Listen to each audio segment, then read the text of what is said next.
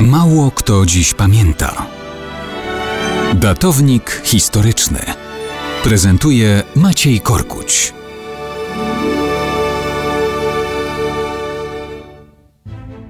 Mało kto dziś pamięta, że na początku maja 1762 roku dopełnił się cud domu brandenburskiego w czasie wojny siedmioletniej. Przez wcześniejsze pięć lat Prusy wielokrotnie ponosiły dramatyczne klęski. Wielokrotnie zaglądało im w oczy widmo niemal całkowitego podboju ich państwa. Mieli przeciw sobie Francję, Austrię, ale przede wszystkim Imperium Rosyjskie. Wtedy panująca caryca Elżbieta szczerze nienawidziła Prus i ich władcę Fryderyka II. Po bitwie pod Kunowicami, czyli pod Kunersdorfem w 1759 roku Fryderyk pisał do jednego ze swoich ministrów – straty nasze są ogromne.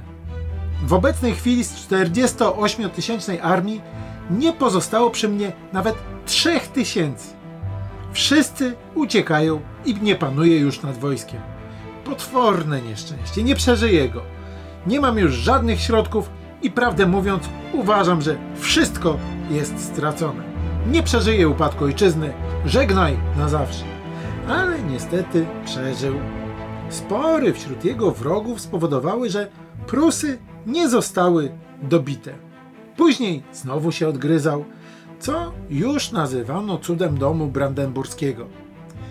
Potem na nowo ponosił dotkliwe klęski i na nowo mu się udawało jakoś przetrwać. W końcu Austriacy zajęli prawie cały Śląsk, Rosjanie Kołobrzeg. Prusom kurczyły się środki na prowadzenie wojny i cud zdawał się być już na wykończeniu.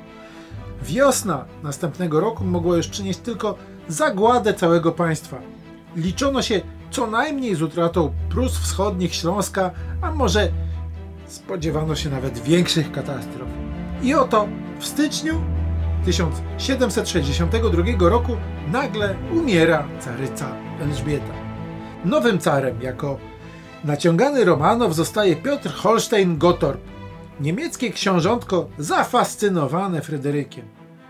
Więcej, Piotr już wielokrotnie wcześniej zdradzał Fryderykowi II, również w czasie wojny, najskrytsze rosyjskie tajemnice wojskowe.